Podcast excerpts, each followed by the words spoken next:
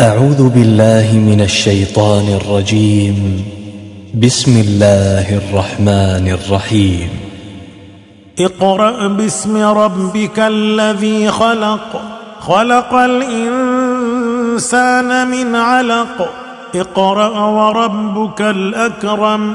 الذي علم بالقلم. علم الإنسان ما لم يعلم.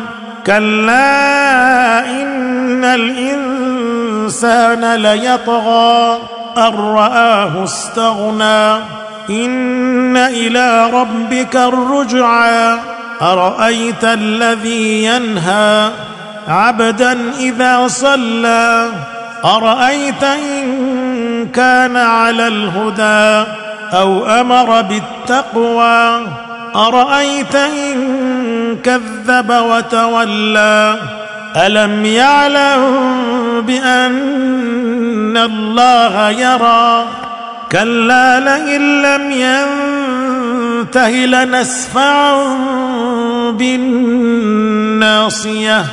ناصية كاذبة خاطئة. فليدع نادية. سندع الزبانية.